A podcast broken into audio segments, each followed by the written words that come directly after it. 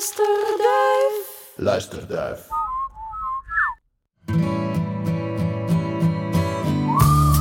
Welkom bij Luisterduif, een podcast waarin wij, Joep Konjaerts en Eva Herman, op verkenning gaan in onze eigen buurt, de Dampoortwijk. Het is een buitenwijk van Gent, geklemd tussen een spoorweg, twee steenwegen en de Schelde, waar het wemelt van de mensen. En waar mensen zijn, zo dachten we, zijn er verhalen. En die gedachten klopten. Dit is aflevering 1. We gaan op stap met Anna. Anna is schrijver, theatermaker, muzikante met een bijzondere moeder. Onderweg ontmoeten we ook wijkdieren Basil en Sasha. Deelt Henry zijn wijkwijsheid en David speelt voor ons zijn Venezolaans wijkwalsje. Aflevering 1. Vaders en moeders. Mama onder de grond. Hey! Hallo! Hallo. Dag Anna! Dag Eva, dag Hey. Joep. Fijn dat je mee komt wandelen. Ja, Ja, inderdaad. graag gedaan.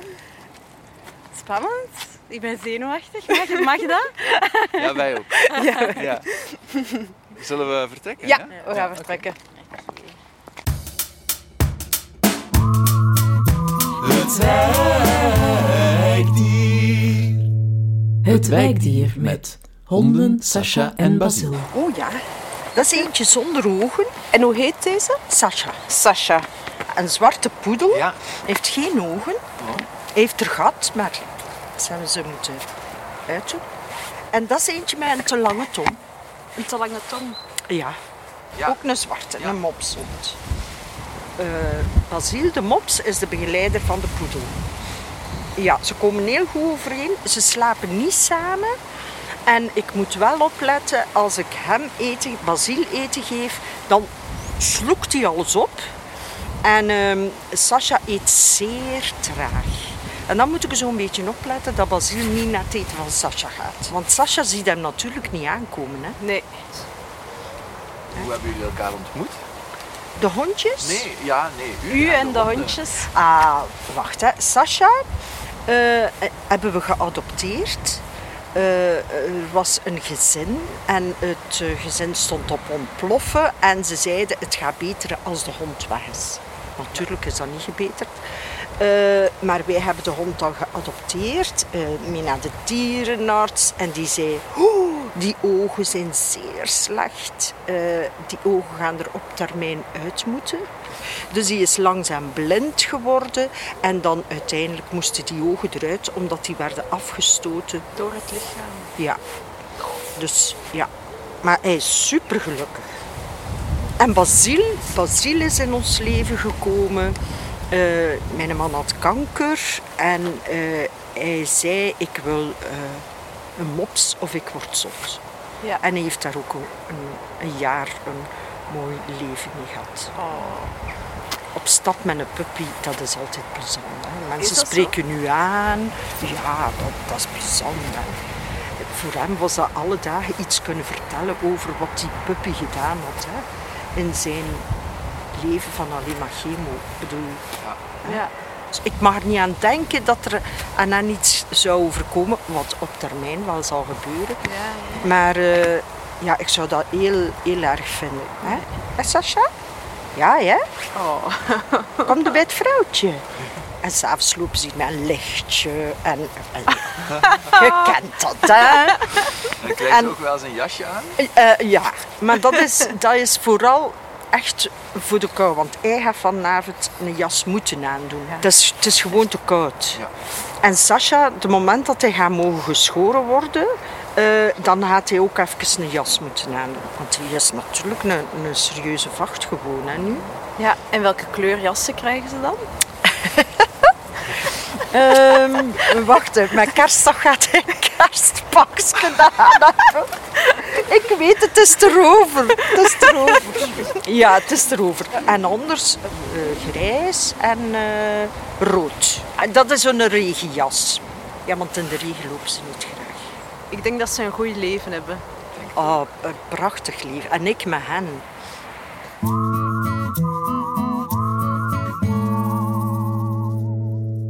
Ja, we wilden het met jou wandelen, Anna, Ja. omdat we eh, sowieso ten eerste, je bent een bewoner van de Dampoortwijk Ja, natuurlijk, ja. dat is voorwaarde 1. Maar daarnaast ontdekten wij, of we wisten, dat, eh, dat je een, eh, een, een plaat hebt gemaakt. Ja, eh, met, eh, je bent de anale fase. klopt. En daar staat onder andere nou, één lied, dan meerdere liedjes over Ja, een moeder of jouw moeder, ik weet het niet, op. En één daarvan is Mama, onder de grond. mama onder de grond. Ja. Ja. Ik zal een keer van start gaan. Hè? Want zo het, het moederthema... er zijn mensen die mij al langer kennen die misschien gaan denken, ah, daar is ze weer met haar moeder. Want ik heb daar inderdaad wel al veel, eh, allee, veel, ik heb daar wel al enkele dingen gemaakt die over mijn moeder gaan. Eh, zoals dat plaatje Uittocht van de anale fase, maar ook nog eh, een voorstelling in de kopergieterij die heette De Koningin is verdwenen. En dat gaat natuurlijk niet letterlijk over mijn moeder, maar dat is een, eh, een sprookje over rouw. hè. Want mijn, mijn moeder is overleden in 2008. Maar wat voor mij alleszins bijzonder eh, en, en vreemd is eigenlijk aan die nummers, of zeker ook voor, voor luisteraars, dat, ehm, dat dat lijkt, ehm, dat veel van die liedjes geschreven zijn na het overlijden van mijn moeder, terwijl dat ze ervoor geschreven zijn. Ik denk dat die liedjes een, ehm, een rouw was van een moeder die wel nog leefde, maar eigenlijk ja, geen moeder meer was. Ja, oei. Dit is, dit is daar- zij. Zwijg Oh, over mij, zegt ze. Zwijg over mij. Daaronder staan. Dus, Waaronder? Ja, daar, daar is zo... eh, volgens mij zijn er overkappingen, of niet? Oké, ja. Ja. Wacht, u was aan het vertellen, voordat het begon, keihard begon te regenen, Ja. over eh, dat het een raar toeval was dat, dat, eh, dat je dus liedjes had geschreven over je moeder alsof ze al overleden was, Ja.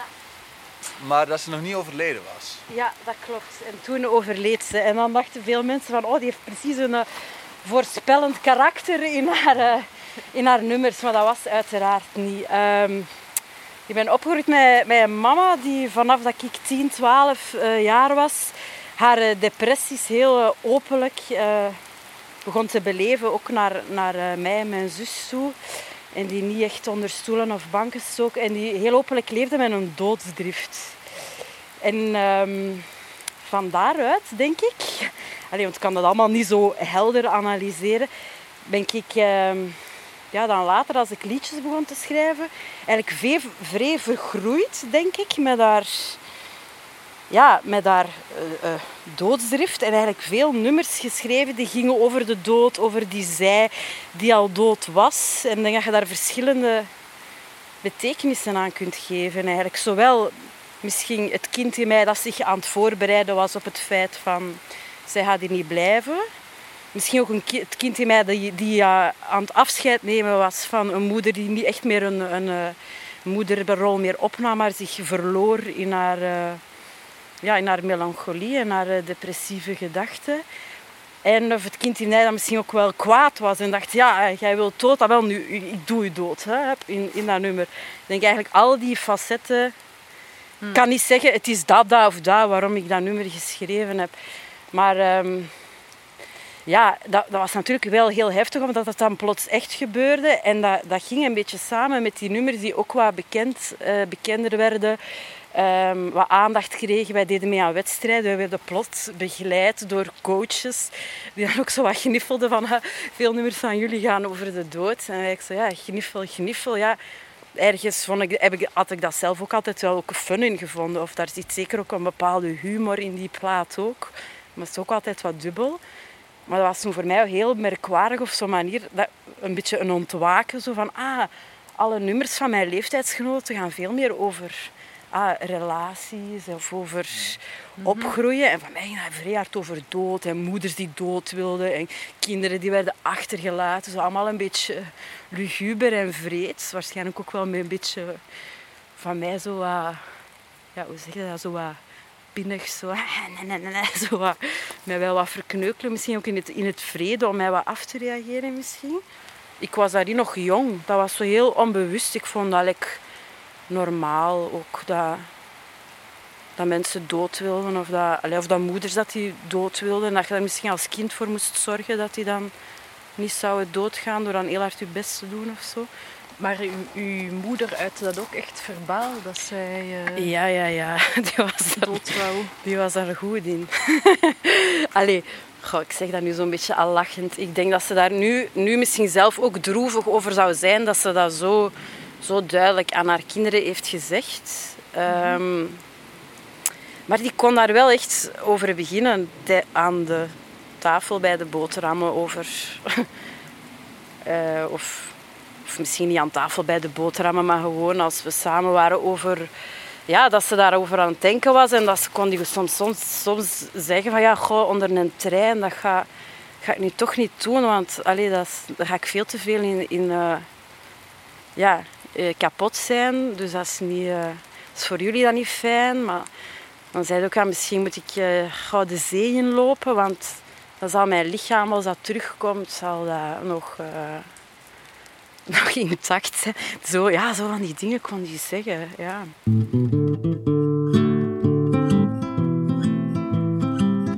Was tien toen dat zij echt ziek is beginnen worden. Dus ik heb ook een beetje het gevoel dat dat ook impact heeft gehad op mijn ontwikkeling. Dus dat ik, dat ik daardoor lang jong ben gebleven. Of dat er stukken van mij ook niet ontwikkelden doordat ik ja, een zieke mama had. Of een... Ik had dat heel hard dat ik wilde terugkeren de hele tijd. Ik wilde jonger worden. Zo tot om mijzelf te krijgen tot op het punt waarop dat zij niet ziek was. En ik mij wel nog herinnerde als, als dat zij wel een gewone, warme, lieve mama was die mij, in het, ja, die mij het leven kon laten zien. In plaats van dat ze mij de hele tijd eh, de dood liet zien. Of hoe verschrikkelijk dat zij het leven vond en hoe zwaar en zo. Ehm, dus dat uitte zich zelfs ook, denk ik. Als je zegt welke stukken ontwikkelde niet in mijn uiterlijk.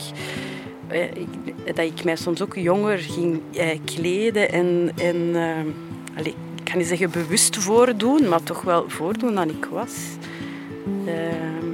Ik soms echt zo met bermudakjes en rubberen botjes en froufroekes zo.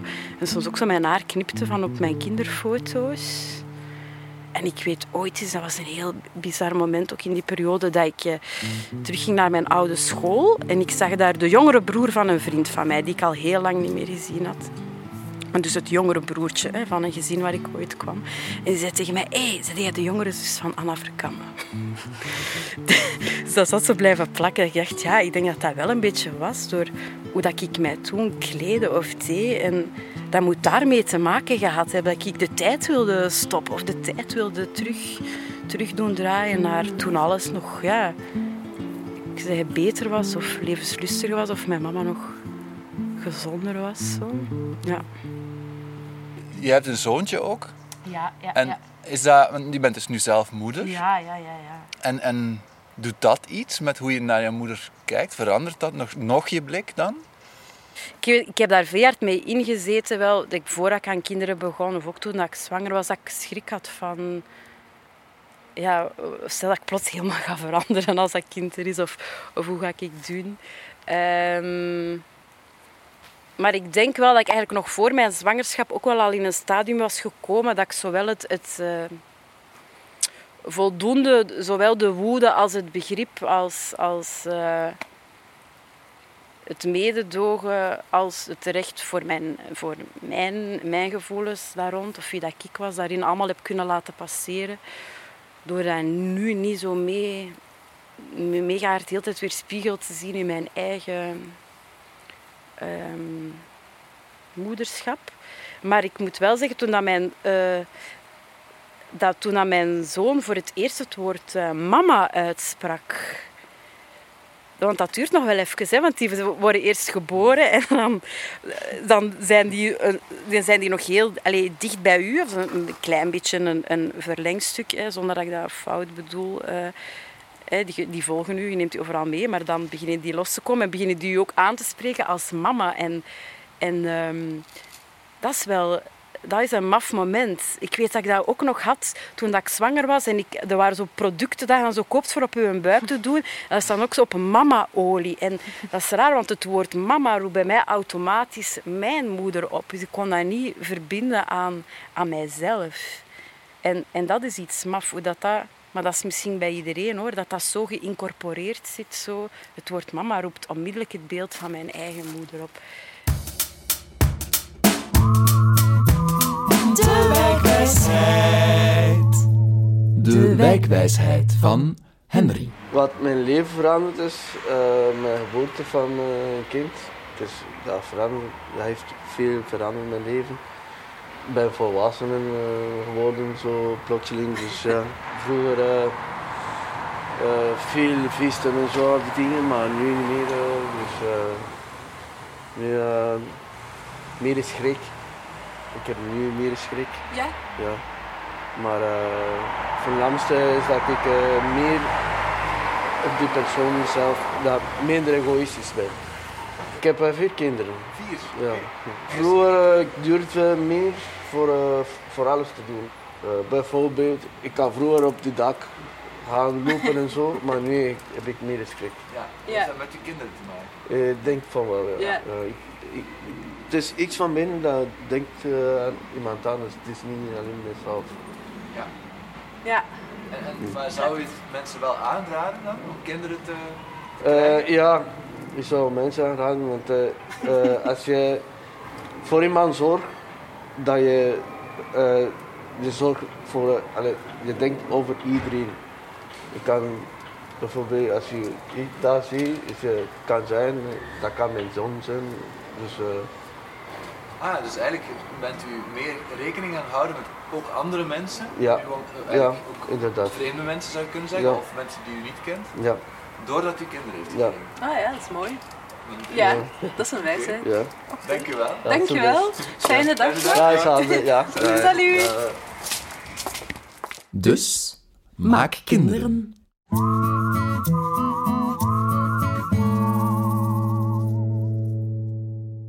toen ik naar hier aan het stappen was, moest ik denken, ah ja, mijn moeder is dood. Die is precies doder dan iedereen. Die is gewoon kampioen in dood. Maar dat voelt voor mij nu niet, nu niet meer zo aan, maar, maar vroeger wel. Misschien dat ik soms het gevoel had dat ze bijna een, een wedstrijd deed met... met um, de, de, ja, of, de, ja, of de grootste gevoelens of de grootste uh, melancholie. Haar, uh, haar, vader was ook een zeer, uh, mijn grootvader, zeer melancholisch uh, man. Het lijkt alsof dat ze hem heeft voorbijgestoken. Zo van, nee. Mm. Jij hebt het hele leven gezegd dat je zo melancholisch waart of dat je het ging doen. Nou, wel, ik ga het, ik ga het doen. Is dat iets waar je zelf bang voor bent of nog bang voor bent? Dat iets van zoals jouw moeder was in jou zit? Uh, ik bedoel, dan de, ja, ja. de zware kant, hè? Zeker, maar um, daar, en ik denk dat nog veel mensen die uh, allez, erfgenaam zijn van uh, zo'n zelfdoding, zoals dat ze dat dan keurig zeggen, met die gevoelens zitten of met die angst ook. Maar natuurlijk zit dat in u omdat je dat zoveel gezien hebt en je hebt daar zo dichtbij gestaan. Hè. Dat straalt op u af. Allee, misschien is dat niet voor iedereen zo. Dus um, zoals dat iedereen uh, uh, handelingen of, of, gedragingen van zijn ouders kopieert, zullen er bij mij zeker ook wel zo'n dingen in zitten dat ik misschien ook af en toe nog eens rap de donkerte induik um, of, of met die gevoelens wel een keer kan flirten. Maar ik weet dat dat niet meer blijft bij, bij flirten met dat soort gevoelens of ideeën. Dat, dat gaat, ja, dat gaat niet in de grens. Allee, zeker nu niet. Misschien korter toen dat ze overleden was. Dat allee, was een veel moeilijkere periode. Dus dan was ik wel veel fragieler. Maar nu, als mij dat overvalt, dat gevoel of die zwaarte, dan weet ik ook, het gaat weer voorbij. Uh. En of dat je dan de vraag stelt, ja, zit dat in mij? Is dat genetisch? Of is dat doordat je daarmee bent opgegroeid? Of is dat... Dus, dat, ik, dat is eigenlijk op zich niet zo, niet zo relevant. Maar ik heb, ja, ik heb misschien ergens ook altijd het beetje het geluk gehad dat ik, dat ik de boodschap kreeg dat ik het kind was dat mijn moeder blij kon maken. Dus ergens in mijn hoofd heb ik zoiets van, ah ja, ik ben hem eigenlijk een blij iemand. Dus dat heb ik, dat heb ik ook geïnternaliseerd. Van, ah, ik ben iemand die blij mensen kan gelukkig maken. Of eh, als ik klein was, ben ik in een keteltje met overdrank gevallen. Zo, zo die dingen zij, kon zij ook zeggen over mij. Hè. Dus mijn moeder zag mij ook heel graag en die was blij met mij. En, en Natuurlijk was dat soms te veel en te groot en die relatie was niet juist. Hè. Maar als ik jonger was, heb ik andere herinneringen. Hè. ja, ja.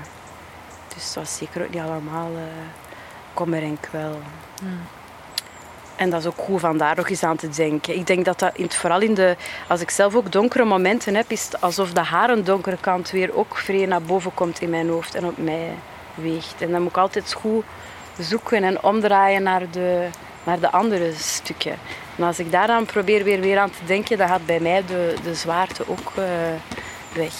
Want ik heb ook zo thuis een, een fotoboek en die gaat ook echt tot mijn tien jaar. Ja? En dat is de fotoboek die ook het meest beduimeld en uh, versleten is. Omdat ik daar zoveel heb in gekeken, ook, ook vroeger al. Allee, vanaf dat het begon fout te lopen waarschijnlijk. Ja, ja. Daarmee dat hij zo ze, heeft het wel met ons kunnen stoppen, denk ik. De drama's die zich al in de, in de familie langs haar kant de hele tijd uh, voltrokken van generatie op generatie. Uh, dus op die manier heeft ze haar job wel, allee, haar job heeft ze haar taak als, als moeder zeker wel voldoende goed gedaan. Uh.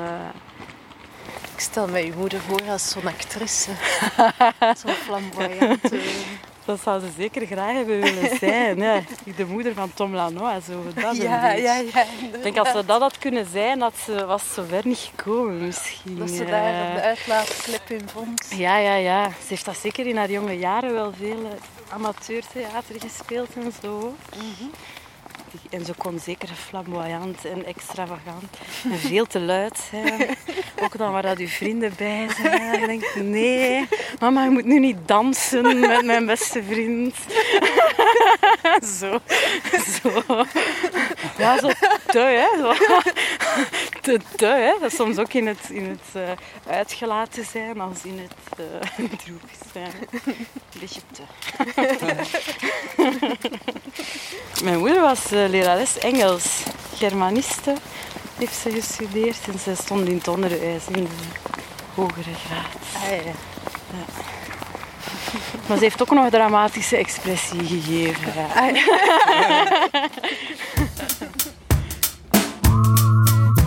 Het wijkwalsje. Het wijkwalsje van David. Tonada de luna llena is een soul music eh, van Venezuela. De, de liedje Tonada de luna llena eh, was, eh, were gemaakt door um, Simón Díaz. Oh, is this soul music uh, uh, was uh, gecreëerd door de indigenous in Venezuela. De, ze, ze waren slavinen, ze moeten de koeien... Koeien, ja. De, aha. Ja. En ze, terwijl, terwijl ze dat doen, zingen ze voor de koe. Ah, voor de koe? Om, ja, om de koe een beetje on, ontspannen om te ontspannen. Ja, ja. Tonada de luna llena is tonada van volle mand.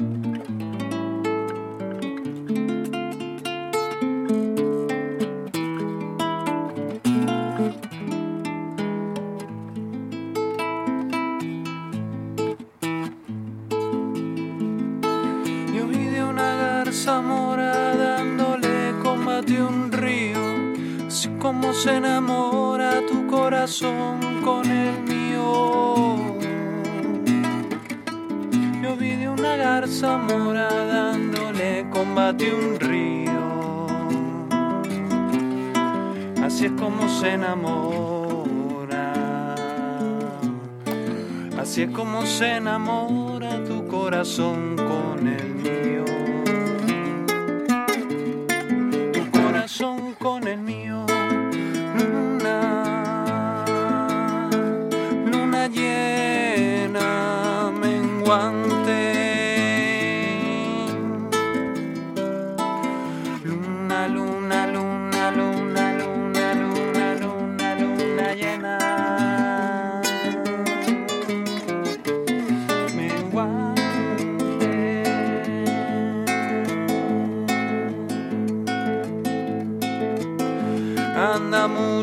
A la casa y me trae la carabina mío pa matar a este gavilán que no me deja gallina.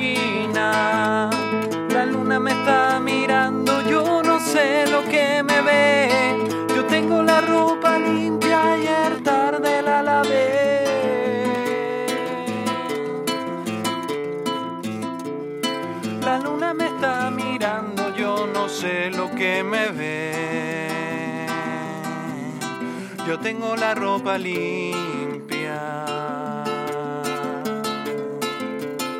Yo tengo la ropa limpia, ayer tarde la lavé. Ayer tarde la lavé. Luna.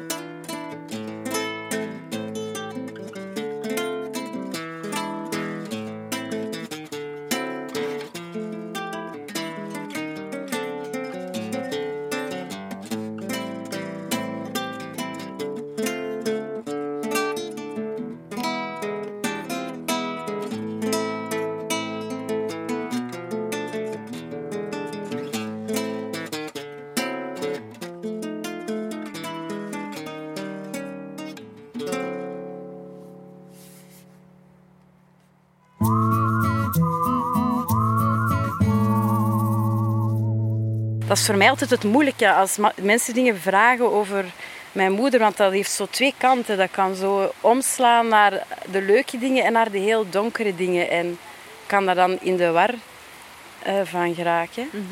Maar natuurlijk had zij eh, een waarde en stond onder de aarde. Dus die zin is... ehm, ja, denk ik van mij vooral over de liefde en het, en het koesteren van, eh, van die figuur. Alleen van, van haar ook wel uiteindelijk. Als kind had een enorme overgave. Hè? Die heb ik altijd wel zeer sterk gevoeld. En misschien ja, dat nog sterker met mijn, mijn mama die ziek is. Om haar, ja, om haar te koesteren. Soms zelfs in de hoop van haar beter te maken. Of haar gewoon te koesteren omdat ze soms ook zo, zo droevig was. Of, of, of ook dat het zo, zo aandoenlijk was ook. Allee, niet alleen het medelijden voor haar hoor. Ik kan haar ook in, in,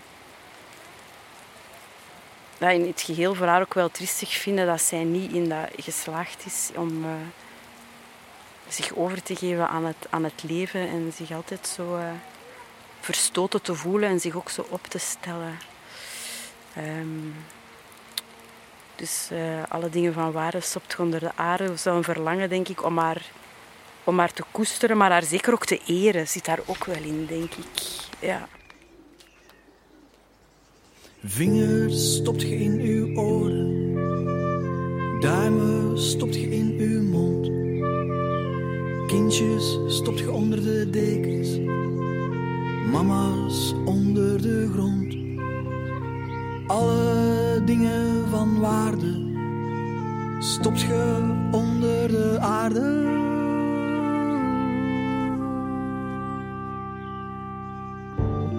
En er is veel werk. Bloemen plukken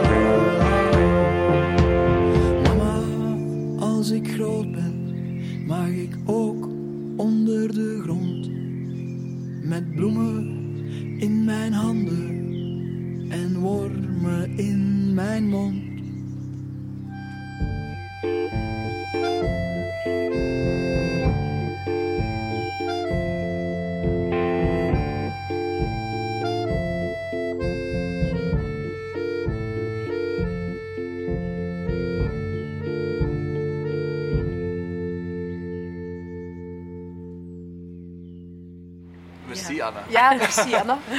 Graag gedaan. Het was fijn om het tegen jullie te mogen vertellen.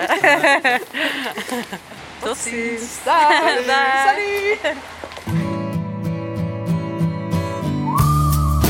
Dit was aflevering 1 van Luisterduif.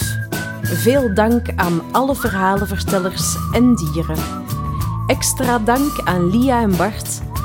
In opdracht van Echo's, Echo's, Echo's, Echo's uit de wijk.